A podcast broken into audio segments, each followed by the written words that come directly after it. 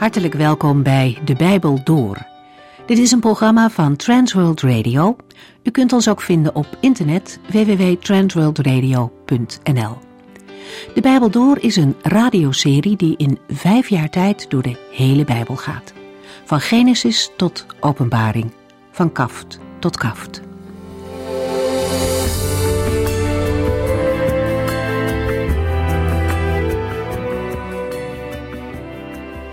Fijn dat u luistert naar deze Bijbelserie die deze week over de psalmen gaat.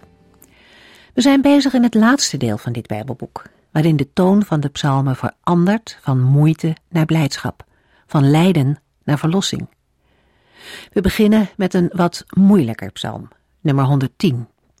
Het lied komt vermoedelijk uit de regeringsperiode van David. Hoewel de psalm een messiaanse laag heeft, is er een eerste betekenis voor de tijd waarin hij geschreven werd. Het is echter duidelijk dat niet alles uit deze psalm al ten volle vervuld is in de tijd van David. In het Nieuwe Testament wordt dit Bijbelgedeelte aangehaald en betrokken op de Heer Jezus. Er staan twee profetische uitspraken in over hem. De eerste gaat in op het zitten aan de rechterhand van God en de tweede over het priesterschap. Mooi is een les uit de slotzin de koning kan met opgeheven hoofd verder gaan, omdat hij onderweg uit de beek drinkt. Wie onderweg drinkt van het levende water van de Heer Jezus, die krijgt weer nieuwe moed en nieuwe kracht om verder te gaan. Want niets is zo verkwikkend als dat levende water. De volgende drie psalmen zijn vol blijdschap. Ze beginnen met een juichend halleluja voor de Heere. Halleluja betekent prijs de Heere. In Psalm 111 vormen de daden van de Heere een rode draad door het lied als basis voor de lofprijzing.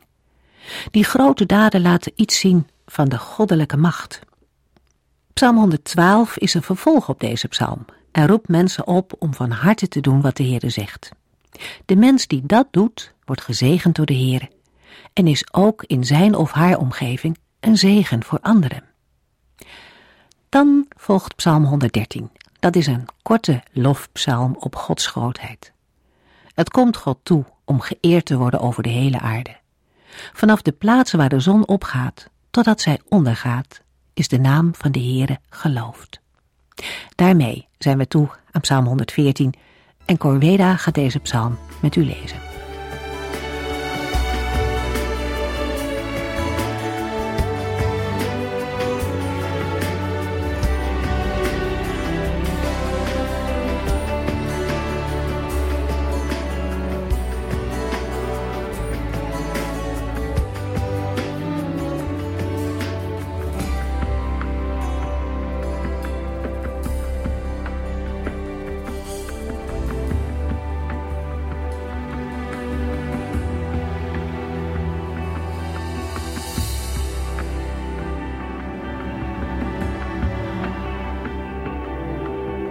Psalm 114 staan de uittocht en de intocht van Israël centraal. Beide gebeurtenissen gingen gepaard met veel natuurwonderen. Deze wonderen vormen de aanleiding om de hele aarde op te roepen voor de Here te beven. Nergens in de psalm wordt de Here persoonlijk aangesproken. En de verbondsnaam van de Here, Yahweh, komt ook niet voor in Psalm 114. Psalm 114 vormt in feite een proclamatie van de macht en de daden van de God van Israël. Opmerkelijk is dat het water en het gebergte als levende wezens worden voorgesteld die reageren op de komst van het volk Israël. Daarbij gaat het om een personificatie die ook in andere psalmen voorkomt. De psalm wordt door verschillende Bijbeluitleggers opgevat als een van de mooiste poëtische liederen. Psalm 114 is een compacte psalm van acht versen van twee parallelle zinnen. De structuur is volstrekt regelmatig en bestaat uit vier coupletten. Het eerste bestaat uit vers 1 en 2 en gaat over de uittocht en vestiging in Canaan. Het tweede couplet, de versen 3 en 4, vermelden een reactie van de natuur op de daden van de Here. Vers 5 en 6 vermelden een aantal retorische vragen aan de natuur en de twee laatste versen, 7 en 8, vormen het vierde couplet en zijn een oproep aan de aarde om voor de Here te beven. Psalm 114 kent aan het begin geen introductie of lofprijzing, maar opent met argumenten voor een lofprijzing. Het lijkt wel of de introductie is weggevallen. Er is ook geen sprake van een afsluiting. Psalm 114, vers 1 en 2. Toen het volk Israël wegtrok uit Egypte en het volk verliet dat een vreemde taal sprak, koos God het gebied van Juda uit als zijn heilige woonplaats. Het land Israël was zijn gebied. Vers 1 en 2 vormen één zin. In een notendop worden de Exodus en de intocht beschreven. Aan de aartsvaders was het land Canaan beloofd.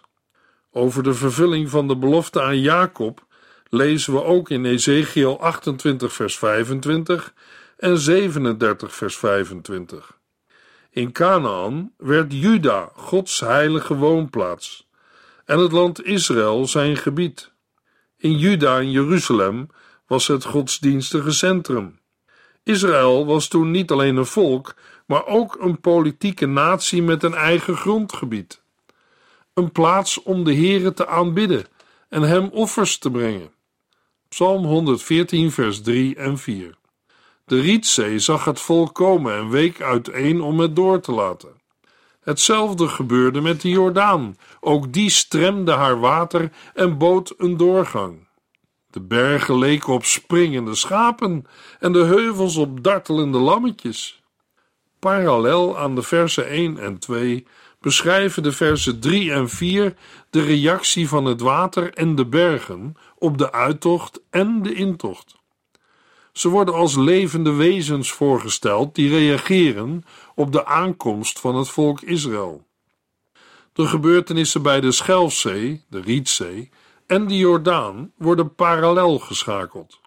De Schelfzee zag de Israëlieten komen en vluchten weg, een omschrijving van het wijken van het water. Op dezelfde manier hoopte de rivier de Jordaan zich op toen de Israëlieten er overstaken om Canaan binnen te trekken. De reactie van het water wordt in Exodus en Jozua als wonder van de Heere beschreven. De bergen leken op springende schapen en de heuvels op dartelende lammetjes. Net als in Psalm 29 gaat het hier waarschijnlijk om een opspringen van angst en beven voor de Heere. Toen Israël voor de Jordaan stond, bleef het water bij de stad Adam staan. Het is goed mogelijk dat dit gebeurde door een aardbeving, waarbij de Jordaan werd geblokkeerd door een aardverschuiving, zoals ook later vaker is gebeurd. Ook de verwoesting van Jericho kan het gevolg zijn geweest van een aardbeving. Als de Heere aardbevingen gebruikt, kan in Psalm 114 gesproken worden over het opspringen van de bergen en heuvels, en in vers 7 over het beven van de aarde. Psalm 114, vers 5 en 6. Waarom week de zee uiteen? Waarom bood de Jordaan een doorgang? Waarom leken de bergen op springende schapen en de heuvels op lammetjes? De versen 5 en 6 herhalen de versen 3 en 4, maar nu in de vorm van retorische vragen. Deze herhaling bouwt de spanning op naar het waarom. De oorzaak wordt net als in de versen 3 en 4 nog niet genoemd, maar kan wel worden aangegeven. Het was een wonder van de Heere, van God zelf. Hij liet zijn gezicht zien. We lezen het in vers 7. Psalm 114, vers 7 en 8. Laat de hele aarde beven als de Heere komt. Beven wanneer de God van Jacob zijn gezicht laat zien. Want hij veranderde de rots in een waterbron en droge, dorre stenen gaven water. In deze versen wordt teruggegrepen op vers 1. De God van Jacob, de God van Israël is degene die de aarde heeft geschapen en ook Israël tot een volk heeft gemaakt. Bij de uittocht en de intocht is de Heer aan het werk, net zoals hij dat was bij de schepping. De Heere veranderde de rots in een waterbron en dorre stenen gaven water. Net zoals de gebeurtenissen bij de Schelfzee en de Jordaan parallel worden geschakeld, gebeurt dat ook met de gebeurtenissen bij Horeb en Meriba. Opnieuw worden de wonderen in de natuur benadrukt. Psalm 114 bepaalt ons erbij dat de Heere de God van Jacob is. Met Israël had en heeft de Heere een bijzonder plan. Psalm 114 beleidt de Heere als een God van wonderen en zijn werk is niet te keren. Alles is aan hem ondergeschikt, ook de natuur. Heel de aarde wordt opgeroepen voor hem te beven uit ontzag. In Psalm 96 en 98 wordt de reactie van de natuur op de macht van God ook direct verbonden met een gepaste reactie van de mensen. Het past ook ons eerbied te hebben voor de macht van de Heere. Aan de andere kant mogen christenen deze God in Christus kennen als redder. De Heer heeft destijds het huis van Jacob, Israël, gered uit Egypte en redt vandaag nog steeds mensen uit de slavernij van de zonde. Vertrouw op Hem. We gaan verder met Psalm 115. In Psalm 115 staat een discussie over de afgoden centraal. Israël wordt eerst voorgehouden hoe machteloos de afgoden zijn en vervolgens opgeroepen de Heere, de enige ware God, te aanbidden. Dan zal Hij hen zegenen en bijstaan. Niet alleen wordt de echtheid van de Heere ingebracht tegen de afgoden, maar ook de absolute verhevenheid van de Heere als schepper. Hij is het waard om aanbeden te worden. Psalm 115 is anoniem en ook de datering is problematisch. Een manier om tot een globale datering te komen is om in het Oude Testament te kijken naar vergelijkbare manieren waarop er over de afgoden wordt gesproken. In de Bijbelboeken Jesaja en Jeremia komen soortgelijke passages voor en stammen uit de latere periode van de koningen en de ballingschap. Daarnaast vertoont ook Psalm 135 veel overeenkomsten met Psalm 114. Om verschillende redenen kan worden aangenomen dat Psalm 135 van latere datum is dan Psalm 114 en 115.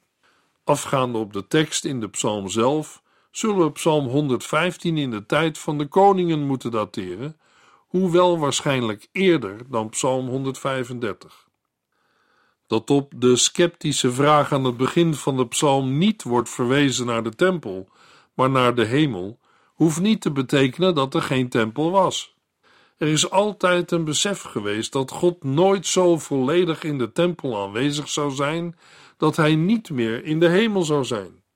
De structuur van Psalm 115 is moeilijk vast te stellen.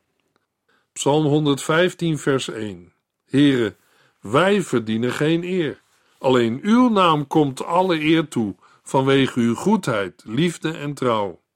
Het eerste vers begint met een opmerkelijke oproep. Dat dit een vrij opvallende opening is, blijkt wel als we deze vergelijken met andere openingszinnen van psalmen. Het is geen smeekgebed om in te grijpen of om te luisteren. Het is ook geen uiting van dank of lof, maar een oproep de Heere te eren vanwege zijn verbondstrouw en liefde. Psalm 115, vers 2 tot en met 8. De heidenen zeggen: Waar is hun God nu? Onze God woont in de hemel en doet wat hem goeddunkt.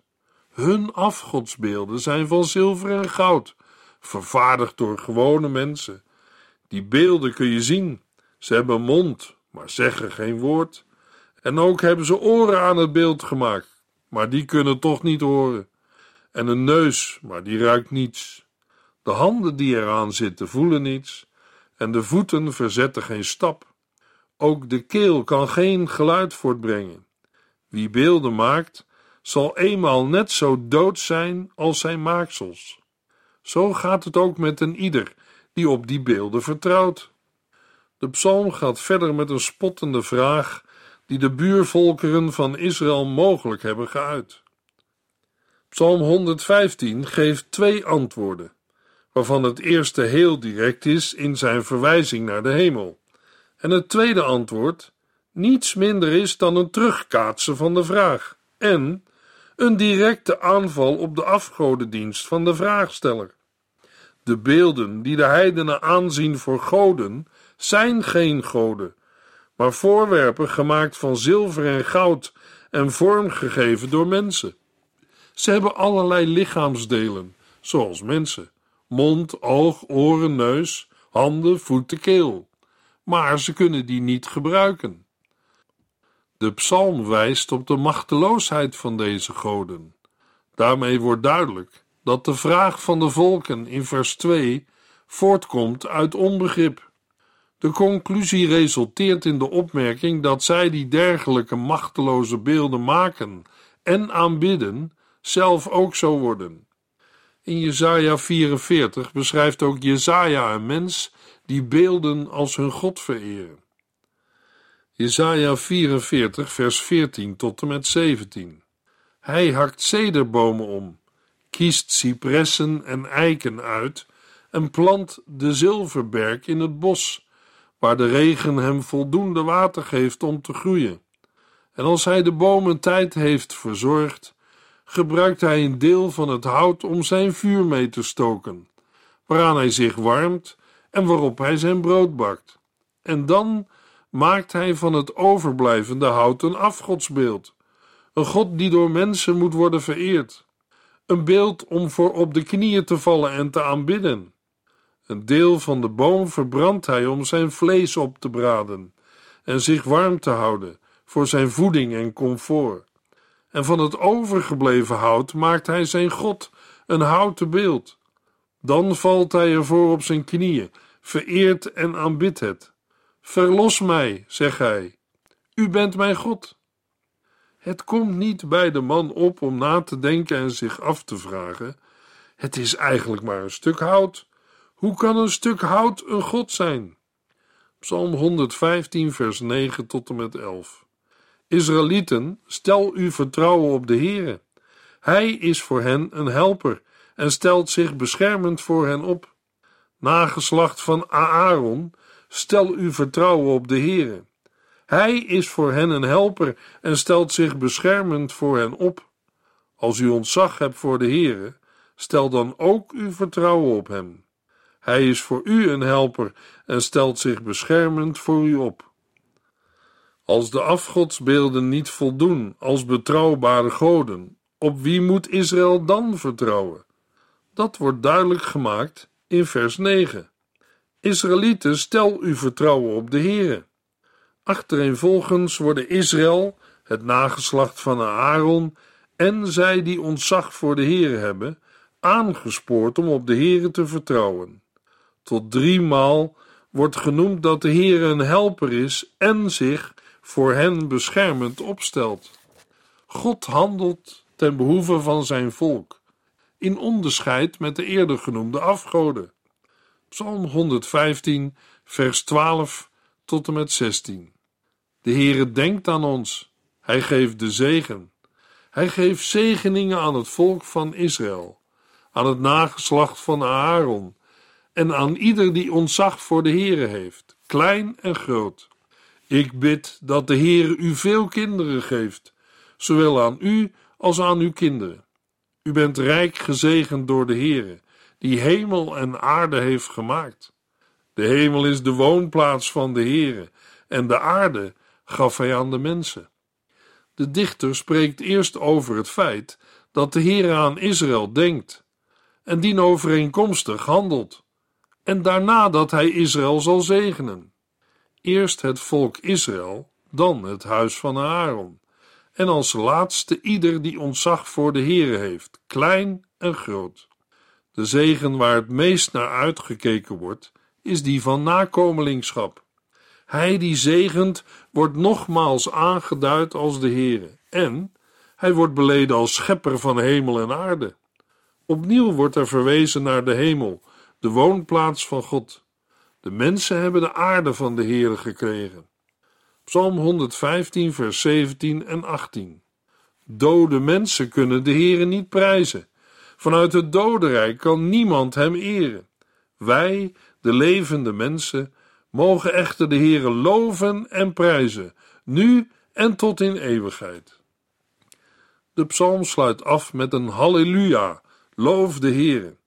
Het is gelijk een antwoord op de oproep in vers 1. Mensen worden zeer snel getrokken tot het vereren van afgoden. Het is een thema dat steeds weer terugkeert in het Oude Testament. Het is goed om regelmatig na te gaan waar wij onze tijd en energie in steken. Zijn we bezig met de dingen van de Heere? Hij komt zijn belofte na. Op hem kan een mens echt vertrouwen. De lofprijzing op God als schepper en bron van zegen is ook voor ons van belang. In een tijd waarin vooral gelet wordt op natuurlijke oorzaken en begrijpelijke gevolgen. In Efeziërs 1, vers 20 tot en met 23 wordt de heerschappij van Christus genoemd en zijn betrokkenheid bij zijn gemeente en kerk op aarde. We gaan verder met Psalm 116. De hoofdgedachte van Psalm 116 is goed te begrijpen. De dichter zat in grote nood.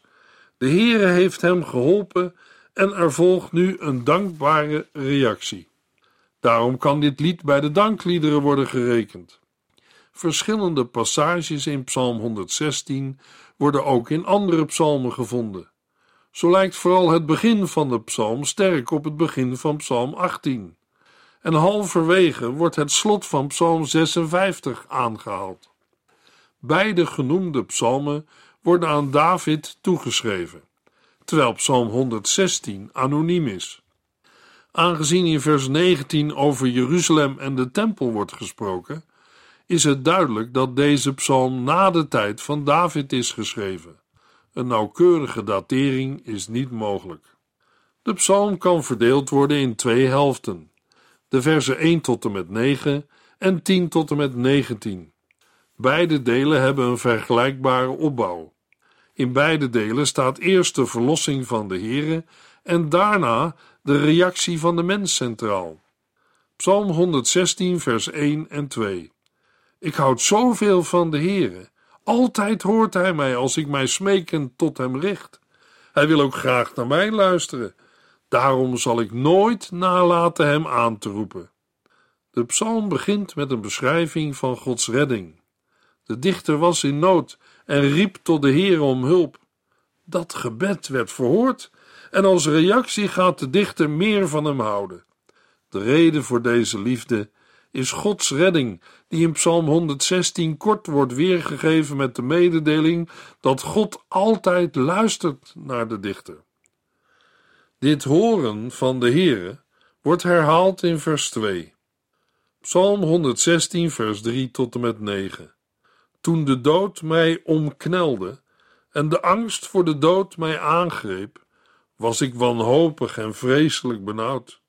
Toch heb ik toen de naam van de Heere geroepen. Ik zei, och Heere, red mij toch. De Heere is rechtvaardig en geeft genade voor recht. God buigt zich met liefde en medelijden over tot de mens. De Heere zorgt voor eenvoudige mensen. Hoe zwak ik ook was, toch heeft Hij mij bevrijd. Mijn hart kan weer helemaal tot rust komen, omdat de Heere voor mij heeft gezorgd. U hebt mij voor de kaken van de dood weggerukt, mijn tranen gedroogd en elke steen waarover ik kon struikelen voor mij weggenomen. Ik leef dicht bij de Heere en ik mag leven. De dichter gaat door met een beschrijving van hoe de Heer hem heeft gered. Hij begint met een beeldende beschrijving van zijn ellendige situatie. Hij spreekt over de dood die hem omknelde. In dergelijke duistere omstandigheden vindt hij toch ruimte om een smeekgebed tot de Heere te richten en smeekt hij God om hem te redden. In vers 5 beschrijft de dichter de eigenschappen van de Heere en wie de Heere is. Daarna vermeldt de dichter hoe zwak hij was en de Heer hem toch redde. De beschrijving is niet zo concreet en daarmee van toepassing op veel gelovigen die deze psalm horen of zingen. Als reactie op Gods redding kan zijn hart weer helemaal tot rust komen. In vers 8 verwoordt de dichter een drievoudige redding. De ziel, de ogen en de voeten worden bevrijd van dood, tranen en struikelen. Daarna volgt het resultaat van de redding. De dichter leeft dicht bij de Heere en mag leven. Dit is de wanhopige situatie van onze Heere aan het kruis. Hij wist waar hij doorheen zou gaan. Hij zong er de avond voordat hij stierf over. Feitelijk was de doodstraf op ons, maar het werd zijn vonnis. Hij hoefde niet te sterven. Hij legde zijn leven af voor jou en mij. Niemand nam zijn leven van hem af. Psalm 116, vers 10 en 11. Ik bleef op hem vertrouwen, zelfs toen ik in grote moeilijkheden verkeerde. Zelfs toen ik zo bang was dat ik geen mens meer vertrouwde. In deze twee versen keert de dichter kort terug naar zijn vroegere ellendige toestand. Terwijl hij enerzijds zijn vertrouwen heeft in God, heeft hij tegelijkertijd een groot wantrouwen tegenover mensen gekregen. Psalm 116, vers 12 tot en met 19. Hoe kan ik iets voor de Heere terugdoen? Hij heeft zoveel goeds voor mij gedaan. Ik zal overal vertellen dat Hij mij heeft bevrijd. Ik zal met eerbied spreken over de naam van de Heere. Wat ik, de Heere, heb beloofd, zal ik ook doen, in aanwezigheid van het hele volk. Als een van zijn volgelingen sterft, raakt dat de Heere heel diep. Werkelijk, Heere, ik ben uw dienaar, de zoon van uw dienares. U hebt mij vrijgemaakt.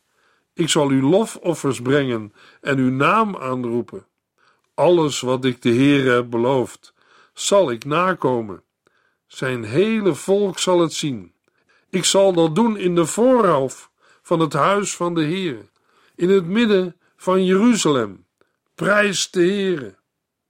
Het laatste deel van de psalm staat volledig in het teken van dankbaarheid voor Gods redding. Hoewel Psalm 116 in zekere zin gaat over de persoonlijke ervaringen van de schrijver, is de aandacht vooral gericht op wie God is. Als wij bedenken op welke manier de Heere door Christus ons heeft bevrijd van zonde, schuld en dood, brengt ons dat, als het goed is, ook steeds weer tot een lofprijzing en een veranderde levenswandel tot eer van God. In de volgende uitzending lezen we Psalm 117 en 118.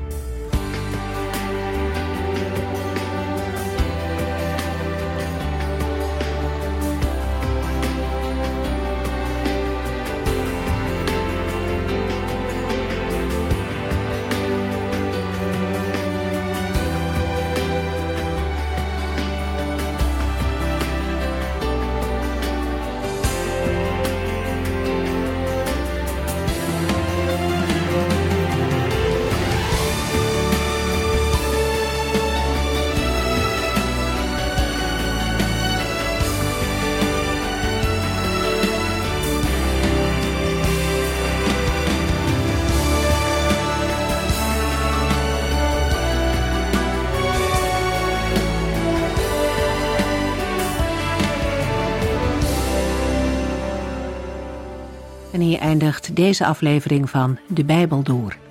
Een serie programma's van Transworld Radio. Wilt u ons iets vragen of meer weten? Dan kunt u altijd contact met ons opnemen. Bellen kan overdag met 0342 478432. Per post Transworld Radio. Postbus 371. Postcode 3770. Anton Johannes in Barneveld. En e-mailen kan ook. De Bijbel door at transworldradio.nl En natuurlijk ook via onze website transworldradio.nl Dit programma werd gepresenteerd door Cor Weda en Ike André. En namens iedereen die er nog meer aan meegewerkt heeft, graag tot de volgende keer.